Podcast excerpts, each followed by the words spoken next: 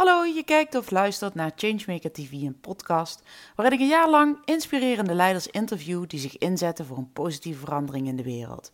Samen met hun fans dragen zij bij aan de oplossing van een maatschappelijk probleem. Mijn naam is Irene Jansen en ik help leiders om changemakers te worden. Met behulp van een authentieke boodschap en een strategisch plan zetten zij met plezier een beweging in gang voor die positieve verandering. Daarmee creëren zij impact. Deze week spreek ik met Leon Evers. Leon is corporate antropoloog. Hij kijkt naar organisaties als gemeenschappen, netwerken van mensen en hij vertelt hoe essentieel deze zijn in het realiseren van een innovatie. Met mooie voorbeelden en handige tips laat hij zien wat er nodig is voor changemakers in grote organisaties om het leiderschap te pakken voor die positieve verandering. Ja, welkom weer bij Changemaker TV en uh, podcast. Vandaag zit ik hier met uh, Leon. En uh, Leon is echt zo'n innovator, zo'n changemaker die al heel lang zelfstandig ondernemer is. En altijd bezig is met, ja, waar kan je nu weer iets nieuws neerzetten, iets, um, ja, iets verbeteren. Nou, dat is eigenlijk waar jij altijd mee bezig bent. Dus hartstikke leuk dat jij er vandaag bij bent. Ja. Hetzelfde geldt voor mij ook. Ja. ja. De eerste vraag die ik altijd heel leuk vind om te stellen is gewoon van ja, wat is, wat is jouw missie nou eigenlijk? Hè? Jouw changemaking missie of hmm. jouw nou, hè, big why, je kunt het een naam geven. Maar um, ja, wat is die voor, uh, voor jou? Ja, uh, ja, weet je, eigenlijk is het zo dat mijn leven is, ik heb altijd in de richting gesteld van een soort wereldverbeteraar. Als klein kind was ik een soort wereldverbeteraar. En daaruit uh, heb ik als missie uit gedestilleerd dat uh, als ik in staat ben om mensen in hun kracht te zetten door ze in een lerende omgeving te plaatsen. Uh, en dat te doen door ze te laten leren hoe ze om kunnen gaan met netwerk en daar een verbinding kunnen leggen, dan uh, daar word ik heel blij van. Ja, dus het gaat voor jou echt om, om anderen te helpen het netwerk te maken waardoor zij nou ja, die innovatie, hmm. dat wereld verbeteren, nou ja, hmm tot uiting kunnen laten komen. Zeg ik het dan goed? Uh, bijna helemaal. Ik zeg, kijk, uh, ik zeg, ik heb, mijn aanleiding is altijd, mensen hebben altijd, kun je altijd support geven. Mensen hebben altijd een netwerk nodig, want mensen zijn altijd, kunnen, zijn individueel. Ja. Maar ze hebben behoefte, moeten altijd iets doen in, in, een netwerk, anders gebeurt er niks. Ja. Dus in een netwerk, en dit is ook mijn credo een beetje, een netwerk, netwerken is netwerken. Ja, ja, dus als iemand in zijn netwerk komt, dan, zie je merk, dan merk je zelf dat daar iets gebeurt. Dus mhm. mensen gaan dingen doen, onverwachte dingen, onbewuste processen vinden plaats. En uh, ja, als antropoloog heb ik dat ook ervaren in verschillende culturen, dat je ziet dus dat, daar, dat dat ook werkt. kijk, uh, netwerken eh, kom je over de hele wereld tegen. En uh, nogmaals, daarvoor heb ik mijn missie eruit gehaald om mensen te, in hun kracht te kunnen zetten. en met name in hun netwerken dan te kijken van hoe kun je netwerken aan elkaar koppelen. Uh, door gebruik maken van sociale media, maar ook van, van je eigen persoonlijkheid. En daardoor word je je bewust van je kracht, hè, keuzes kun je maken, je het focus houden op datgene waar je het sterkst in bent. Ja, en wat moet er dan voor de meeste changemakers gebeuren als het gaat om ja, hun netwerk voor ze laten werken? Uh, nou, wat meestal is dat men, vaak zijn mensen, uh, mensen contacten of mensen die ik leer kennen via LinkedIn of andere media, uh, die zijn zich vaak wel bewust dat ze een netwerk hebben. Maar binnen die netwerken zijn ook al verschillende netwerken. Uh, dat wordt met een uh, wetenschappelijke term wordt aangeduid als social capital, je mhm. sociale kapitaal. bijvoorbeeld als je in een ziekenhuis werkt, dan heb je ook daar binnen heb je verschillende netwerken. Sommige netwerken, je hebt een persoonlijk netwerk, hè, dus waar je, waar je, vaker heb je vier, vijf goede vriendinnen, vrienden. Mm ik zeg wat vaak, als je op sterven ligt, dan, dan zie je wie je beste vrienden zijn, of als je in het ziekenhuis terechtkomt. Mm Dat is een netwerk wat heel sterk is. Daarbuiten heb je een aantal ringen van netwerken die je kan gebruiken. Op zakelijk niveau zie je dus ook dat er netwerken plaatsvinden. Uh, en die netwerken moet je dus ook onderhouden. Je moet actief zijn. En in verschillende levensfases zie je ook dat merken dat die netwerken doorlopend aan het verschuiven zijn in verschillende fases dat zijn. Ja, en, maar wat is dan. Hè, nou, oké, je bent een changemaker, je hebt een missie. Nou, het kan zijn dat je dat wil doen als ondernemer. Het kan zijn dat je dat wil doen als eh, directeur van een, van een school, van een zorginstelling, als, uh, als, als ambtenaar. Nou, je rol kan natuurlijk heel verschillend zijn. Ja. Uh, en dan benoem je eigenlijk die verschillende netwerken die ieder mens, zou ik maar zeggen, om Mhm. zich heen heeft. Mhm. Ehm, wat is dan eigenlijk zeg maar, de, de succesfactor daarin? In, in, Dan kan je een aantal, aantal dingen duiden voor het. Eh, bijvoorbeeld waar ik voor de laatste tien jaar zo'n beetje bezig ben geweest, is heel concreet eh, het begeleiden van jonge mensen. Ik merkte, ik had, wat ik nooit verwacht, maar ik had gemerkt dus dat ik heel jonge mensen heel goed kon begeleiden met bijvoorbeeld een probleem waar ze in de studie mee lo- rondlopen. Bijvoorbeeld het, eh, ik moet een probleem attackeren in een derde jaar, hè, dus dan een probleem onderzoeken. En dat moet je dan op papier gaan zetten. Het klinkt heel eenvoudig, maar neem het van me aan. eh, na een paar honderd studenten is dat eh, ik geloof dat heel veel studenten daarop vastlopen. Dan en dus ze niet vast. afstuderen Precies. vanwege die. Ja, Ja, ja. En dan heb je dus, dan, dan, dan hebben ze, ze dat ze in hun netwerk niet iemand hebben die dan bijvoorbeeld in die begeleiding zitten. Hun begeleiders zijn niet goed, de school die ze tegenaan. Dus in dat netwerk wat zij dan hebben, die is zo klein dat ze niet zien dat er bijvoorbeeld ook wel eh, andere mensen kunnen zijn die bijvoorbeeld daarin hun kunnen begeleiden. Nou, wat ik gedaan heb, is ik heb dan een bepaalde methodologie ontwikkeld. en ik ben, ben heel dicht bij die studenten gaan zitten. En ik heb gezegd, nou, begin eerst met een probleem. Het probleem is dat je dan een, eh, een locatie moet hebben, een, een organisatie. Nou ja, die vind je altijd in je netwerk. Dus dan ontwikkelen ze hun netwerk om te kijken welke organisatie past het beste bij mij als Mhm. mens. En het derde is van je moet een onderzoek hebben wat er ook toe doet. Je moet een probleem hebben. Heb je geen probleem, ja, dan kun je niks onderzoeken. Dus ik heb het heel simpel gemaakt en dat, dat snapten ze allemaal.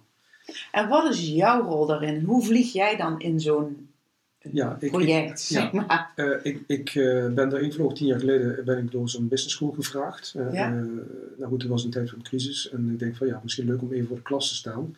Dus dat rolde ik zo'n beetje ongevraagd rolde ik daarin. Mhm. Dus ik werd onderwijskundige, ik werd eh, eh, scriptiebegeleider. Mensen vroegen ook aan jonge mensen vroegen, "Joh, kun je mij helpen, want ik kom hier niet verder. Dus nou ja, met mijn netwerken die ik had, eh, daar kwamen dus eh, ja, problemen en locaties uit. Nou ja, dan is het dan verbinden van twee. En dan bleek opeens dat heel veel studenten dan eh, een locatie vinden en dan ook nog een heel leuk probleem oplossen. Dat doe je nog altijd als, als docent? Of als... Nou, inmiddels heb ik, ben ik alleen nog bij de Haagse Hogeschool verbonden met Mhm. eh dat is post-HBO. Die zijn wat ouderen. En het is inderdaad wat aan het afnemen, maar de behoefte is er nog steeds. Dus Ja. Ja. Dus, en, want de vraag was eigenlijk, wat moet daar, eh, hè, wat, is, wat is daar nou voor nodig? Hè? Wat, wat is de succesfactor in het Mhm. inzetten? Eh, je geeft nu, pak nu een voorbeeld voor, eh, Mhm. voor studenten. Mhm. Heb je misschien nog een ander eh, voorbeeld? Eh, ja, ja, nou ja, goed, ik ben al sinds 2001 ben ik interimmer. Eigenlijk officieel tot 1996. Toen waren nog geen, was, kon je inschrijven en zo. Maar eigenlijk wat interimwerk betreft is ook precies hetzelfde. Je, gaat, je kiest voor niet een vaste baan. Nou, dat zijn dus, ik zeg dat vaker van buiten naar binnen werken. Eh, betekent, maar dat betekent wel dat je dus doorlopend je moet aan gaan passen in een ander netwerk. Noem het ook een organisatie. In mijn woorden, organisatie bestaat niet. Dus een samenspel van mensen die samenwerken vanuit verschillende netwerken. Ja, Mhm. en een organisatie die is door- doorlopend aan het aanpassen in een omgeving, hè, cre- co- collaboratie, co-creatie, maar op. Nou ja, en dan kom- word je als interim kom je binnen. Je wordt dus eh, in een locatie van mensen, moet je eh, ja, je aanpassen. Je moet de problemen gaan oplossen, je moet sturen, je moet... eh, eh, en, en het is een multirol hè, wat je krijgt. Dus niet alleen maar kijken van, we weten dat wij... eh, we pakken een, een probleem aan en we gaan met een aantal mensen dat probleem oplossen. Maar Mhm. ook intern heb je weer te maken met verschillende andere partijen die meewerken. En de organisatie heeft natuurlijk ook buiten de organisatie ook netwerken die daar overlappen. Dus, dus die, die, die, dat social capital eh, is eigenlijk een heel interessant fenomeen om te zien dus dat een netwerk constant in beweging is. Een organisatie is ook constant in beweging. En in het interimwerk, als je dus niet de, eh, de dynamiek hebt van de persoon om je daarop aan te passen, dan moet je niet het werk gaan doen. En daarnaast moet je ook wel eens af en toe eens een keer ook zeggen, ja, ik kan het niet doen. Hè? Want eh, eh, vaak heb je wel eens ook te maken met een netwerk waarin je dus niet in past. Nou, dan moet je gewoon ook zeggen van, goed, dan hou ik Dit het het. op. Hè? Dus nee, dat is het niet. Ja. Ja, heb je dan ook een, ehm, Leon, heb je dan ook een eh, ander voorbeeld voor mij? Hè? Dus je hebt nu net een studentenvoorbeeld. Je zegt van, Mhm. soms pas je in bepaalde netwerken niet, in andere Mhm. wel. Heb je nog een ander voorbeeld eh, waarvan je zegt van, hé, hey, eh, dit is iemand eh, eh, of een organisatie met, eh, met een missie eh, ehm, voor de wereld. Mhm. En eh, daar, dit bleek er nodig, of dit is er nodig. Om hè, in die netwerken, om dat ook in gang te zetten om dat ook waar te maken. Ja, ja. Nou ja, goed, ik heb inmiddels een lang track record, dus dus dat, dat zou uren kunnen vullen. Maar laten we eens even een concreet, Oh, concreet voorbeeld nemen. Eh, pak eens even de kinderopvang. Hè, Mhm. Jaren terug heb ik een keer in Arnhem, kwam ik tegen. Ik was net bij Mees uit Brabant, eh, had ik eh, een aansturing gegeven. Dat was een vrij stevige eh, opdracht. En toen kwam ik in de kinderopvang. In de kinderopvang zag je dat wettelijke zaken niet goed geregeld waren. En dat was een kinderopvang die ook nog ging fuseren. Dat was in Arnhem en Arnhem-Nijmegen en eh, Veenendaal, Ede. Eh, het probleem was niet zozeer die fusie, maar het, was, het probleem was dat niemand eigenlijk meegenomen was naar die verandering, naar die change. Dus wat ze zochten, en dat was ook in, eh, als ik altijd vraag, dan vraag ik van wat is nu echt de, opdracht die erin zit. Dus ik probeer altijd tot de kern van de opdracht te komen, anders dan loop je ook vast. Hè? Mhm. En dat doe je meestal met het netwerk van, die aan de top van die organisatie zit. Mhm. De bestuurder en wat eromheen zit, vaker een se- direct secretaris en een op. Dus we hebben dus uitgefilterd, dus wat het eigenlijke het probleem was en waar het eigenlijk op zou gaan, zoals in Duits zeggen, scheiteren, of zo, op, eh, zo vastlopen, is dat iedereen in die organisatie meegenomen zou moeten worden in de cultuur zoals die eigenlijk beoogd werd. Dus het was niet een korte termijn, snel, quick dirty organisatie. Nee, het was een lange termijn ontwikkeling gericht om cultuur. Mhm. Nou, wat je dus inderdaad ziet, dan kom je bij bestuurders, zit je in een netwerk. En dan ga je dus inderdaad, want je hebt met twee bestuurders te maken, twee fuserende organisaties. Dan kom je in twee culturen terecht, waar, waar binnen ook nog verschillende o- ondernemingsraden zitten. En dan moet je als een soort oliemannetje, moet je dan tussen twee organisaties gaan rondlopen. Eh, dat vergt nogal wat aanpassingsvermogen, want je moet je natuurlijk van de ene kant, eh, zo'n cultuur die was heel ja, eh, blauwig, eh, eh, recht toe recht, eh, eh, down to earth, weet je wel. En de andere was, ja, laat maar waaien, een beetje Nijmeegse, een beetje rustig, een beetje bijna het Limburgse. eh. en, en, en dat zijn twee verschillende culturen. En dat is eigenlijk zoiets van, moet het die of die cultuur worden, of wordt het een nieuwe cultuur met, met de beste van beide. Natuurlijk is dat laatste eh, natuurlijk waar je op gaat zitten. Dus je, bent, eh, je, kruipt in de rol van, eh, van adviseur, je kruipt in de rol van, van eh, karduwer. Dus je krijgt multirollen. En het fijne is dat je ziet dat al die overlappingen van die netwerken, die komen langzamerhand komen die naar elkaar toe. Dus eigenlijk letterlijk twee. Maar je, Twee je, hebt het nu, je hebt het nu haast over een soort van magie. Ja, dat is het ook. Of zo heel, of, of Ja. zelfs heel, heel hoog over, zou ik maar Ja, zeggen. Ehm, maar kun je daar, kun je daar een, een, een ja, weet je, ehm, want dit is natuurlijk denk ik wel heel herkenbaar. Hè? Mhm, Als je mhm. bezig bent met iets nieuws neer te zetten, Ja. ehm, eh, een, een, een verandering in gang te zetten, omdat je ziet van hé, hey, daar moet het naartoe met onze Mhm. organisatie. Willen we nog relevant zijn voor de toekomst? Willen we zorgen dat de mensen hier zich nog lekker voelen? Ja. Willen we zorgen dat. Nou, en eh, inderdaad, dan heb je vaak te maken. En, en nou ja, als er twee culturen samenkomen, dan, is er heel, hè, dan gebeurt er Mhm. heel veel. Mhm. Maar ook als er gewoon eh, eh, één organisatie is en je wil daar iets in beweging zetten, ja, dan heb je ook te maken met iets. Hè, een, ja, jij, jij hebt het dan met name over die netwerken eh, die lopen. En die, dus daar moet je dan iets in, ja, iets in beweging Ja, zetten. precies, en wat zijn dan. Ja, wat zijn dan die, die ingrediënten? Of als je één tip zou kunnen geven, weet je, wat, Mhm. wat eh, Nou, wat, wat ik altijd zeg, eh, even terug op mijn even. eh, ik probeer de mix te maken van, ik, ik ben dus aan de ene kant ben ik een antropoloog. mhm, Dus dan ben je in, in staat om soft skills, hè, de, de zachte kant van een organisatie te benaderen, de cultuur. Hè. mhm. En Daarvoor, daarvoor ben je antropoloog. Je, je weet wat culturen zijn, je weet ook wat organisatieculturen zijn, Ja. je weet ook hoe die mix tot stand moet komen. En van de andere kant ben ik bedrijfskundig, eh bedrijfskundige en dit- dit- dat heeft te maken dus met de harde kant, de bedrijfsvoeringskant. En dat loopt nooit echt parallel met elkaar. Dus aan de ene kant moet je wel eh, zien dat de kosten niet uit de klauwen gieren. Aan de andere kant moet je zorgen dat die, dat die mensen samen gaan werken. Eh, mijn, mijn, eh, mijn missie, mijn, mijn, mijn, mijn eh, doel wat ik daarbij beoog is vaker eh, met die ervaring die ik heb, om die dan toch in een, in een soort format te gieten. Want elke organisatie die fuseert, eh, heeft natuurlijk een heel andere cultuur nodig. Eh, vaker zie je dus dat gewoon of de, na, de, de dominante cultuur wordt eh, omarmd. En dan zie je dat het later heel veel goede mensen weggaan. Eh, dat zien we bij gemeentelijke samenwerkingsverbanden. Hè. Dan pakken ze twee namen, zit dat geleen, eh, of door heel Nederland zie je. En dat werkt ook niet. Dus je moet een nieuwe identiteit gaan creëren. Dat betekent dus dat je op alle, alle vlakken moet je iedereen erbij gaan betrekken. Dat iedereen het gevoel gaat krijgen. En dat is een lange termijn ontwikkeling. Je hebt daar zelf een bijgedragen. zeg. Precies. Iedereen, en, dus, en, dat Ja. is een, en dat bedoel ik van, van, van bottom-up bezig zijn. Maar ook de bestuurders van top-down. En dan kom je ergens in het midden uit. En dan, eh, ik maakte niet de verandering. De, de change maken de mensen zelf. Ja, En het gaat er dus inderdaad om, om een soort van nieuw perspectief te bieden. Dat is wat jij dan doet als Ja. jij in zo'n organisatie ja, komt. Jij laat zien van oké, eh, jullie zijn blauw, eh, jullie zijn rood of geel, weet ik veel wat. Eh, en dat is het. Ja, een paas. Ja, van. Ja, ja. Maar die, die kant gaan we Exact. op. Dat is het stipje op, de, op, de, op de horizon. En daar wordt dan waarschijnlijk ook gestort een nieuwe soort taal bij, een nieuwe soort. nou ja, en, en dat, is, dat is wat jou. En nieuwe Ja. netwerken, hè, zeggen we erbij. Hè? Dus want zo'n zo'n zo'n gefuseerde organisatie moet natuurlijk naar buiten toe. In al die oude netwerken moeten ze natuurlijk ook weer die ook zeggen van we hebben een hele nieuwe identiteit. En vaak komt er een nieuw logo. En een, maar mensen moeten dat eerst gaan voelen. En dat is niet iets van wat je in een dingen klaar kan krijgen. Dat duurt jaren voordat dat plaatsvindt. Hè? En gemiddeld genomen zeg ik altijd zo'n zo'n zo'n stuk duurt vier tot vijf jaar. En dan heb je de eerste stap gezet naar een nieuwe organisatie. Ja, ja. Dat is misschien dan ook wel direct de tip voor iedereen Mhm. die, die zelf zo'n missie heeft en zegt: hé, hey, ik wil dat in mijn organisatie of ik wil dat in mijn eh, expertiseveld uitzetten. Ja, exact. Eh, denk niet dat je het eh, Nee. morgen hebt geregeld. Nee. Ehm, waar moet je mee beginnen volgens jou? Wat is voor, voor jou echt een eerste stap? Mhm. Nou ja, weet je wat, ik, ik, zeg altijd vaker, en dat is vaker in zo'n gesprek, je het eerst netwerkje wat je komt. Hè, bij een opdracht, je hebt je de bestuurder, de controller, je hebt de, de mensen van de bedrijfsvoering, een paar managers. En dan zeg ik altijd, weet je, een organogram heb je, heb je ge- gemaakt in een wip en een zucht. Hè? Dus dat is een, een harkje doe je om, maar dat is niet meer van deze tijd. Van deze tijd is dat je dus gewoon zit, je, je moet een, een soort lifelong mission moet je, eh, maken. Want waarom je dingen speciaal doet. Je had het over de why, hè? Ja. Eh, de Simon Triangle is bekend. Maar iedereen is aan het praten over de wat en hoe we het gaan doen. En eh, dat is ook het lastigste wat er is. Hè. Ik merk het zelf ook nu. Waarom doe je dingen? Maar bijvoorbeeld, ehm, ik heb in mijn leven een paar mensen eh, leren kennen. Een oude judo-leraar van mij in Stijnvoort was mij heel belangrijk om focus te houden. En, en ik was een beetje ongedisciplineerd. En dus door judo te doen leer je dus dat, dat er iets komt.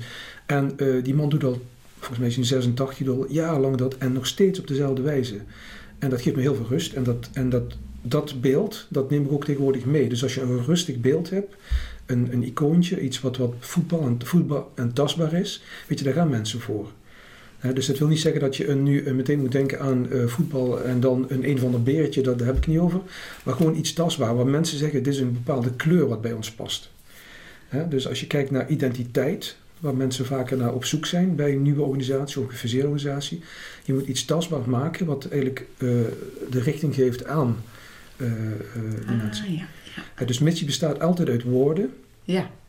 Toch? Ja. En vaker zeg ik vaker, soms is het handig om een beeld te maken, want mensen denken in beelden, niet in woorden. Wat was het beeld voor, eh, voor de kinderopvangorganisaties die samen moesten? Weet je dat nog? Eh, dat was een samenspel van eh, twee kleuren. Dus Ja. de ene had veel meer rood en de andere had niet blauw wat je zou zeggen, maar dat was meer zeg maar een oranjeachtig. En die hebben Ja. ze in een nieuw logo in elkaar gezet door een soort, ja, een soort halve, twee, eh, halve achten zeg maar. Ja, dus En- dat was, dat was zeg maar het, symbolisch, het zichtbaar Ja. maken van Precies. hier is waar we met z'n allen eh, naartoe gaan. Dus dat is eigenlijk ook meteen jouw tip van ben je bezig en iets neer te zetten, zorg ook dat het zichtbaar wordt. En, Precies, en in, ja. een, in een plaatje, Ja. in een, eh, niet alleen de woorden eraan, maar ook eh, Ja. eh, het beeld erbij. En heel belangrijk, zorg dat je in je organisatie, want er zijn altijd mensen die natuurlijk tegen, tegen de fusie of tegen de verandering zijn. Mensen houden niet van verandering. Maar zorg dat je intern, en dat is wat ik ook mijn rol vaker zie, ik zoek altijd change agents. Er zijn altijd mensen, vaak zijn dat jongere mensen die je snel gemakkelijker kan, eh, hè, dan zeg ik van ben ik een mentor. En dan eh, maak ik ze heel erg eh, enthousiast om die verandering. Weet je, en als je er soms tien hebt in een organisatie van duizend, weet je, die maken heel veel los. Hè? En dan begint, dan begint er een taaltje te ontstaan. En, gaan, en ook, eh, laat het ook aan de onderkant, in de grassroots, laat het in godsnaam los. Laat mensen elkaar opzoeken. Laat ze groepen gaan vormen. Hun eigen netwerk opnieuw inolieën, zodanig dat de organisatie langzamerhand die draai kan maken. Doe je dat niet, doe je dat op, op een hele strakke bedrijfsvoermatige manier, gaat het je never nooit lukken. En er zijn voorbeelden genoeg te vinden van die. Ja, mensen willen wel veranderen, maar willen niet veranderd worden. Precies. En hoe, hoe Ja. zorg je dus... En ik hoor jou zeggen, eh, nou, stap 1, heb een, heb een beeld, een, een gemeenschappelijk beeld. Precies. Stap 2, zet in op eh, die change, wat jij change agents, Change eh, noemt. ja. Hè? Dat, ja, ik heb het ook wel eens over ambassadeurs of sup- superfans of nou ja, Mhm. hoe je ze noemt. Maar inderdaad, de mensen die, je, die meteen al helemaal Precies. excited en enthousiast worden. Van, van, van nou ja, Ja. De, de weg waar je, waar je met z'n allen naartoe gaan Mhm. wil. Mhm. En eh, drie zei je ook nog, en dan ben ik hem zelf eventjes eh, kwijt. Ja, laat, laat de mensen aan de basis, de grassroots ook.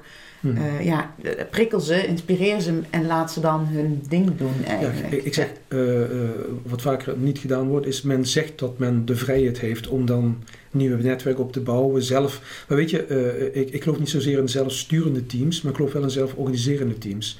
Dus als je aan de basis mensen laat zelf eens een keer de vrijheid gunt, geeft, en dat kost natuurlijk ook de leiderschap, natuurlijk een hele andere manier van daarmee om te gaan. Maar we zitten in 2020 en dat is heel normaal om dat te doen. Eh, eh, en dat betekent gewoon als je de vrijheid een beetje geeft aan de mensen zelf aan de basis, die zoeken hun eigen netwerken weer uit. Die gaan kijken waar we zitten in innovaties. Waar zitten de innovatoren? Waar, zitten we de, waar, zit de kracht van de organisatie waarin we zelf kunnen bijdragen? En dat hoeft niet per se te betekenen dat je nu op, le- op leeftijd praat. Want ik heb even goed met oudere mensen gesproken, senioren. Die gaan even goed mee en die zijn even goed enthousiast te maken. Praat gewoon over het menselijk kapitaal, de human capital. Vind ik trouwens tegenwoordig, eh, ik, ik heb liever over human beings. eh, eh, human being management. Dus dat ook, en dat is natuurlijk een hele belangrijke rol van de partijen de organisatie die je vaak niet ziet. En dat betekent de mensen die in de HR zitten en de, communica- de communicatiemensen. Ja, want we hebben het vaak over controlling, we hebben het over bedrijfsvoering, we hebben het over, over ICT en dat, dat soort harde zaken. Maar juist de zachte kant van de organisatie ligt bij de communicatoren en dat ligt bij de HR-mensen. Dat is eigenlijk een soort van vierde factor. En dat, Mhm. dat gaat een beetje over, eh, eh, waar je ook een boek over hebt geschreven, Mhm. over leiderschap. Ja. En eh, je hebt het ook over vrouwelijk leiderschap. En, nou, je zou kunnen zeggen femininiteit, masculiniteit, harde kant, zachte kant. Ehm, is dat dan een soort van de vierde factor die je nodig hebt? Naast het beeld neerzetten, change agents zoeken, eh, Ja. mensen het zelf laten doen. Nou maar ik- vanuit, de, vanuit het leiderschap ook een... eh, Ja, leiderschap is een heel interessant fenomeen. Ik heb natuurlijk eh, lange tijd in het buitenland gewoond, ook bij verschillende corporates eh, gewerkt. En eh, wat ik gemerkt heb is altijd van eh, met eh, identificatie van bijvoorbeeld het Amerikaans bedrijf. Ja, dat, dat zegt iedereen, weet je wel. Keihard op de centen, eh, commercieel. En dan ga je naar Europa en dan zie je een heel andere manier van, van leiderschap. En dan, eh, ja goed, eh, natuurlijk lees je dan heel veel boeken over leiderschap. En je bent zelf, ik ben zelf ook leider geweest. Ik heb ook wel eens een organisatie van 300 mensen mogen aansturen en eh, nog, wat groter. Overigens heb ik, denk Ja. ik dat je leiderschap kan tonen in heel veel rollen. Hoef je daar Ja, best precies. niet Ja. 300 man voor aan te sturen of 2 ton voor, eh, voor Nee, eh, ding te hebben. hè. Leiderschap zit maar natuurlijk mas- ook... eh, Masculien zit voornamelijk, en dat, dat moet ik even ook corrigeren, want ik heb ook vrouwen gesproken die dat ook enige mate hebben. Dus van dat, eh, ik noem het altijd de plaatjes, hè, van kijk altijd, kijk eens wat ik aanstuur en kijk eens wat ik aan omzet draai en kijk eens hoeveel mensen ik dat is aanstuur. echt die harde kant. Dat is die harde echt, eh, kant, ja. maar dat is ook niet meer van deze tijd. Want weet je, we zitten in een, we zitten in een tijd en eh, we zitten met een enorme transitie waarin bedrijven steeds meer op zoek gaan naar hun eigen identiteit. De heridentificatie is iets wat de komende jaren heel belangrijk gaat worden. Je ziet ook dat jonge mensen, ik bedoel, er zijn geen mensen meer op het moment. Hè? De, de markt is gewoon flinterdun. Je ziet dat er hele andere problematieken gaan spelen. Hoe kun je de mensen binnenhouden? Hoe kun je de mensen zo lang mogelijk motiveren? Het is niet meer Maslow en de piramide. Het gaat om vele meer complexere zaken. Eh, Mensen die, eh, jonge mensen die volledig digitaal zijn opgeleid. En, en, en dat leiderschap, wat, wat is Ja. daar dan in nodig? Dus meer die femininiteit, meer die balans. Nou ja, weet je, ik heb eh 25 vrouwen gesproken. Dat heb ik samen met de co-auteur eh, Chantal van Nesta. Ik moet even toch haar naam noemen, vind ik. Eh, Mhm. eh, ik heb, we hebben elkaar in onze kracht gezet. Ik heb daar heel veel van geleerd als man zijnde. Die een boek schreef over vrouwen. Dat vonden vrouwen altijd interessant om te horen dat een man een boek schreef. Eh, aan de andere kant ging het niet over die man, maar het gaat over de mens. Hè, dus man en vrouw. Ik, ik zeg altijd, probeer dat weg te houden. Man en vrouwen, die hebben talenten. En die talenten moeten ze ontdekken. Daar hebben ze vaak mensen nodig die hun in die lerende omgeving zetten. Zoals ik bijvoorbeeld. Eh, en wat je dus, eh, zoals ik het vaker omschrijf, is leiderschap die we nodig hebben, is dan een juiste combinatie van feminine en masculine waarden. En daarvoor zeg ik vaak ook vaker, ja, weet je, ik ben antropoloog, dus soft skills en bedrijfskundige en die mix maakt mij juist goed in, in die opdrachten die ik doe. En leiders zie je dat ook. Die moeten afwegen wat is nu momenteel belangrijk. Je ziet wel dat een nadruk gelegd gaat worden de komende jaren op die soft skills. Het is al bezig. Eh, de banken hebben daar last van, hè, dat zie je. Hè, want die, al die masculiniteit die is in de afgelopen jaren en mensen geloven niks meer in de bank. Dus, eh, en je ziet ook dat ze niemand, alle vrouwen, zie je ook dat die niet meer willen werken voor banken. Dat Eh, was al, dat is, die zijn eigenlijk al, die precies. dingen eigenlijk al. En als je het omdraait, als je kijkt naar de, voor, naar de pedagogische academies, het aantal mannen wat er naartoe stroomt, is weinig, veel te weinig. En eh, ik denk soms vaker, gaat het dan goed met jonge mensen die op een lagere school zitten, dat ze te weinig masculiniteit krijgen. Dus dat is een Ja. vraag die ook eh, gesteld mag worden. Ja. En die moet je niet om, om, omzeilen, maar die moet je gewoon rechtstreeks zetten van moeten we niet jonge mensen, jonge mannen hè, ook voor de klas laten staan. Ik denk dat dat een heel belangrijk facet is, want later moeten eh, jonge mensen ook in staat kunnen zijn ook, ook om de harde kant eh, aan te kunnen pakken. Dus, eh, dus het gaat niet om man of vrouw, maar leiderschap in de kom van nu en de komende tijd zal een heel interessante ontwikkeling meebrengen. Ja. Met, met name op de feminine kant, die steeds belangrijker wordt. Ja, mooi. Ja, ik ben zo even aan het spieken op mijn, op mijn lijstje.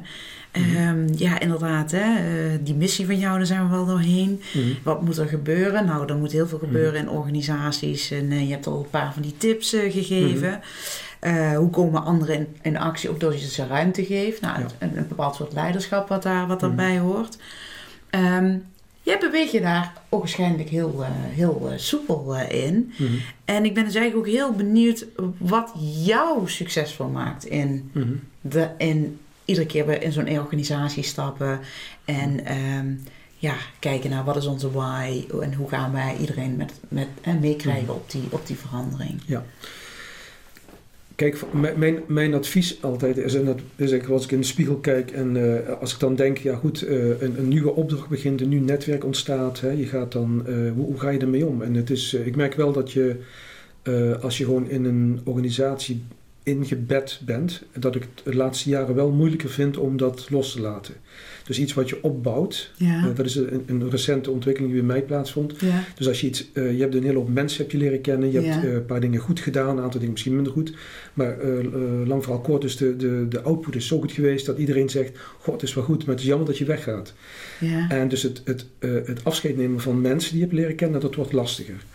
En dat leidt eigenlijk tot ook tot, eh, tot wat ik altijd meegeef. Als je iets doet, probeer zo dicht mogelijk bij jezelf te blijven. En ik geloof ook als mensen je dan gaan missen aan het eind van zo'n opdracht, dan heb je het goed gedaan. Ehm, Maar val dan niet in de valkuil om te blijven zitten. Is dat eigenlijk je, wat je zegt? Dan? Nou, ik geloof dat we in een wereld gaan zitten waarin. eh, ik geloof ook niet in vaste banen. Ik bedoel, ik, eh, de, de arbeidsmarkt is zodanig aan het eh, veranderen, is veranderd. Dat we- Maar, maar is dat ook jouw... Is het juist omdat jij dan eh, durft of wil of de zin hebt om weer verder te gaan... Maakt je dat succesvol? Omdat je dan altijd fris kan kijken? Of omdat je juist daardoor heel veel netwerk op. Ik weet het niet. eh. Nou, het is, het is vooral eh, blijf voortdurend leren.